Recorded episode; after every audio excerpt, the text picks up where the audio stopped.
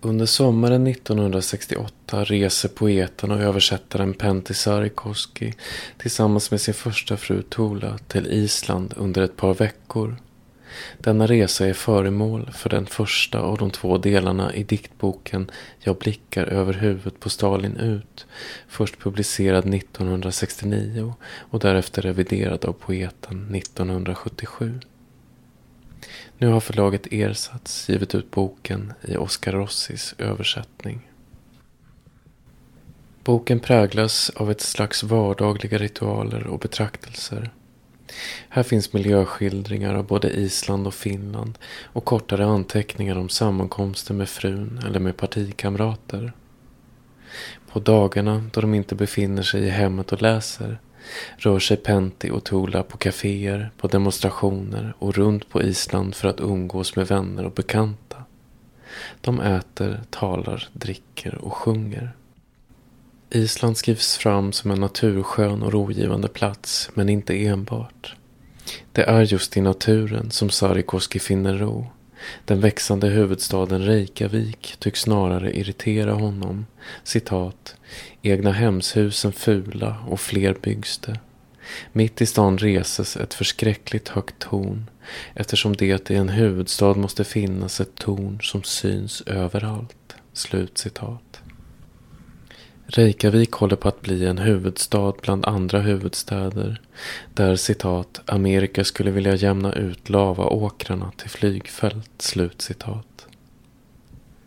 Att världsläget överskuggas av det pågående Vietnamkriget är påtagligt och USAs närvaro i världen visar sig även i språket. Sarikoski som debuterade redan som 21-åring år 1958 och som under sitt liv översatte bland annat Joyce, Salinger, Homeros och Sappho skriver i denna bok med en tidlös och ironisk precision fram en amerikaniserad språkvärld så fullkomligt osar av konsumenttillvänd obegriplighet där citat Hotellrestaurangen har floor show och rummen är designed with the best word in modern comforts. Slut citat. Han påvisar därmed vilken typ av språk vi bör akta oss för eftersom språket bär på något mer än sin semantiska betydelse. Även metaforen får sig en känga. Det är något som slagerförfattarna sysslar med, menar han. Det är också här texten blir brännande intressant. När den förmår säga något om hur språket är avhängigt ideologi och vice versa och om hur vi samtidigt är så beroende av språket för att vända oss ut från oss själva. Efter en demonstration i Reykjaviks hamn frågar han sig själv och oss läsare om det alls hjälper att de under demonstrationen önskat Ho Chi Minh ett långt liv eller om demonstrationerna bara är meningslösa.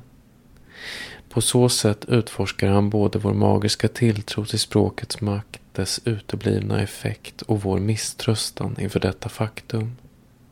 Det är som om gudarna dragit sig undan världen och kvar står vi ensamma på jorden och ropar efter dem. Jag tänker på Sarikoskis indirekta värnande om vaksamhet inför och skepsis mot språket och dess relevans för vår samtid. Vår egen tid präglas ju i hög grad av ord vars ideologiska komponenter vi, bland annat som arbetstagare och konsumenter, stundtals står fullkomligt blinda eller maktlösa inför.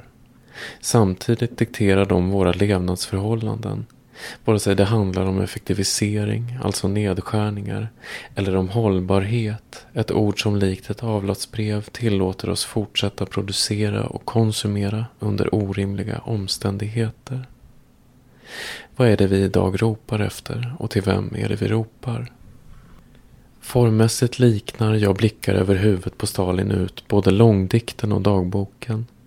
Två såväl formella som innehållsliga utgångspunkter för Sarikoskis ömsom illusionslösa och ömsom kärleksfulla hänvändelse ut mot världen och in mot det egna själslivet. Hans språk är enkelt men aldrig simpelt. Här finns diktformen till trots inte några allegorier, inga allitterationer. Ofta råder en avsaknad av undertext. Istället dominerar skärpa och tydlighet under ett plågat och desillusionerat skimmer. Det är som om det rådande världsläget avkräver formen just tydlighet. Att skriva fram världen rymmer ingen överflödig konstnärlig finess. Mångtydighet och tolkningsmöjligheter skulle ödelägga allvaret. Men där Sarikoski istället kostar på sig att vara stilistiskt utsvävande är han uppslukad av sin kärlek till människan, naturen eller litteraturen. För mig hör detta till bokens starkare delar, de platser där texten och själva landskapet börjar leva. Citat. Det här är uppgiften för dagen. Jag kan inte beskriva det jag ser, lavans olika färger, gräsets grönska på eftermiddagen. Den här platsen får mig att gråta. Jag skulle slippa om jag förmådde beskriva, men vemodet har gått in i mig, det släpper inte taget. Det här är en alltför kär plats för mig när jag nu älskar allt här. Älskar bergen, gudarnas borgar. Och om människornas byggprojekt stör gudarnas sinnesfrid börjar gudarnas hud att kittla och ögonblickligen välts allt på ända. Slutcitat. Dikten kan liknas vid ett märkligt nog lika uttömmande som sparsmakat resereportage om en kaosartad och sedermera historiskt omvälvande tid. Om att vara en enskild människa bland andra människor i en värld som står i lågor diktar Sarikoski med precision, dråplighet, humor och största allvar. Det är en text som rör sig från plats till plats, mellan det privata och det politiska, mellan den stora världen och den lilla människan, mellan himmel och helvete. När jaget blir saligt står han i kontakt med människan, språket, litteraturen och naturen. Det som istället får honom att singla mot avgrunden är människans våld mot både människa och natur. I hans mycket senare skrivna bok Spela upp till dans läser jag en dikt som tydligt visar dessa tvära rörelser mellan det lilla och det stora. Det här är något som binder samman de båda böckerna och tecknar en tydlig bild av de ofta förekommande och skarpa perspektivskiftningarna i Sarikoskis diktvärld. Citat. På kvällen när jag fyller mat i kattens skål och smular bröd åt fåglarna och snön har börjat smälta på trappan. Det är nog så som den franske diktaren säger att vi föds bland människorna och dör utan tröst hos gudarna. Slutcitat. Bokens andra och mycket kortare del utspelar sig hemma i Finland. Här verkar fysisk distans ha upprättats i Tula. Något som gagnar deras relation då han plötsligt omskriver henne med ömhet och kärlek. Tidigare har Tula mest framträtt som någon som tjatar på honom om att inte dricka eller läsa för mycket. Det privata tar plötsligt mycket större plats än det politiska. En tydlig skiftning äger rum i temperament och fokus. Han är åter i arbete, besöker Helsingfors och reflekterar över kommande projekt som att översätta Bergspredikan. Vardagen är förvisso präglad av en rastlöshet där måsten och borden listas flitigt. Men lusten och framförallt uppdraget att läsa, skriva och översätta är påtagligt. Stundtals är dikten så rofylld att den närmar sig pastoraldiktningen. Citat. Rallarrosen blommar. Sommaren redan långt hunnen. Jag är ytterst lycklig då jag får vara här. Stekte potatis och lök ute. De som grodde petade jag ner i jorden att växa. Det är inte mycket jag har i mitt liv, men något lite i alla fall. Dessa kvällar då jag är ensam, lagar mat, värmer bastun och tänker på henne som tänker på mig. Det jag inte orkade äta gav jag åt fiskarna. Är det redan juli? Jag sågade ved. Fåglarna sjunger. Slut citat. I den senare delen är det som om en ljusstrimma lyckas tränga igenom det tunga lock av moln som ligger över diktsamlingen i stort. Något sällsynt i denna text som sällan står ut med den värld den befinner sig i.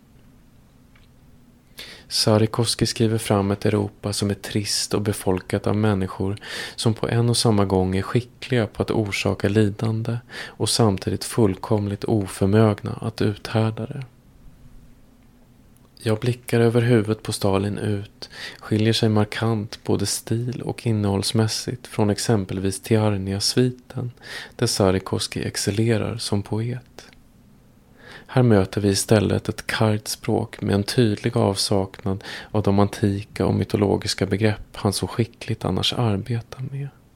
Och det får mig att undra varför han valt just långdikten som form utan att till fullo gagna sig av genrens möjligheter.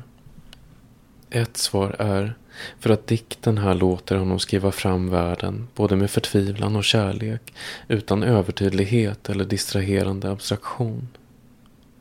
En existentiell skärpa uppstår i det precisa och avskalade språket men också i diktens sätt att vara just känslomässigt uttömmande vare sig detta sker med en deadpanaktig stämma eller med ett mer melodramatiskt ackord.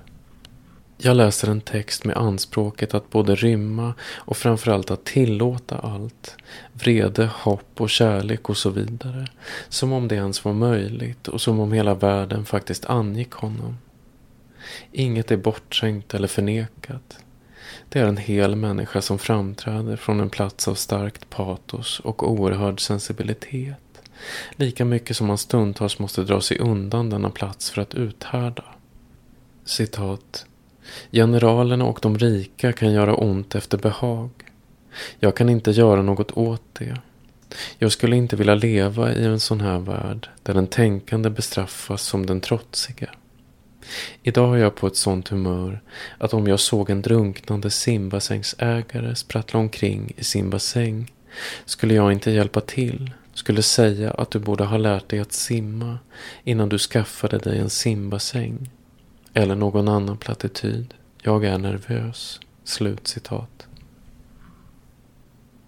Diktsamlingen präglas så starkt av frustration, förtvivlan och förlorad tro. Den iver som Rossi i sitt efterord tillskriver diktjaget är svår för mig att lokalisera. Det känns i min läsning snarare viktigt att landa i de stunder av ro och stillhet som infinner sig. Det som pekar ut och bort från den desillusionerade positionen mot möjligheterna och kärleken. Inte för att stilla mitt eget begär efter ett förslag på en väg ut ur politisk desillusion, utan just för att texten där blir så levande. Med tanke på Sarikoskis politiska tillhörighet och det flitiga nämnandet av Gud, en Gud som oftast framträder som antingen erövrad eller uppköpt av USA, läser jag in en trosaspekt i vid mening. Åtminstone i bemärkelsen att den gått eller håller på att gå förlorad och därmed är ett nytt orienteringsarbete satt i rullning. Stalin dyker också upp mot slutet av boken, men inte gudalikt eller som en ledargestalt, utan i form av ett stumt gipshuvud i huset hemma i Finland. Ett huvud som jaget med lugn blickar både över och förbi. En lugn rörelse framåt mot en ny och osäker framtid som komma skall. I bokens andra del finns en, lika naiv som uppriktig, sårbar och öm passage där Sarikoski närmar sig ett slags grundläggande humanism istället för att rikta sig mot en trosuppfattning eller partipolitisk strömning. Citat. Jag är inte rädd för någon. Jag älskar alla människor i världen. Jag vill alla väl. Det är min politik. Att vi skulle älska varandra inte vara i fejd med varandra utan i välvilligt samtal. Som om vi gick i blåbärsskogen tillsammans och värmde därefter bastun. Skulle sitta på bryggan och flåsa. Skulle bete oss som folk. Slutcitat. Här är all rädsla och förtvivlan som bortblåst. Naturen är närvarande som en rofylld plats att vandra tillsammans i och samtalet och kärleken hos människor emellan blir en väg framåt. Samma lugn återfinns i raderna där Sarikoski innan läggdags tittar till både abborrarna och sitt barn, sätter sig ner och gestaltar bokens titel, citat, jag bara satt och blickade över Stalins huvud ut, slut citat. Det är i denna dunkla och fridfulla stund som han sätter punkt. Men det är ett lugn som vi aldrig kan ta för givet.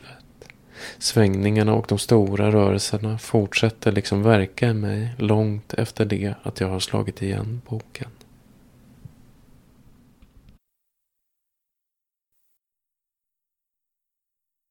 Den här recensionen är originalpublicerad på www.ornenochkrakan.se under ansvarigt utgivarskap.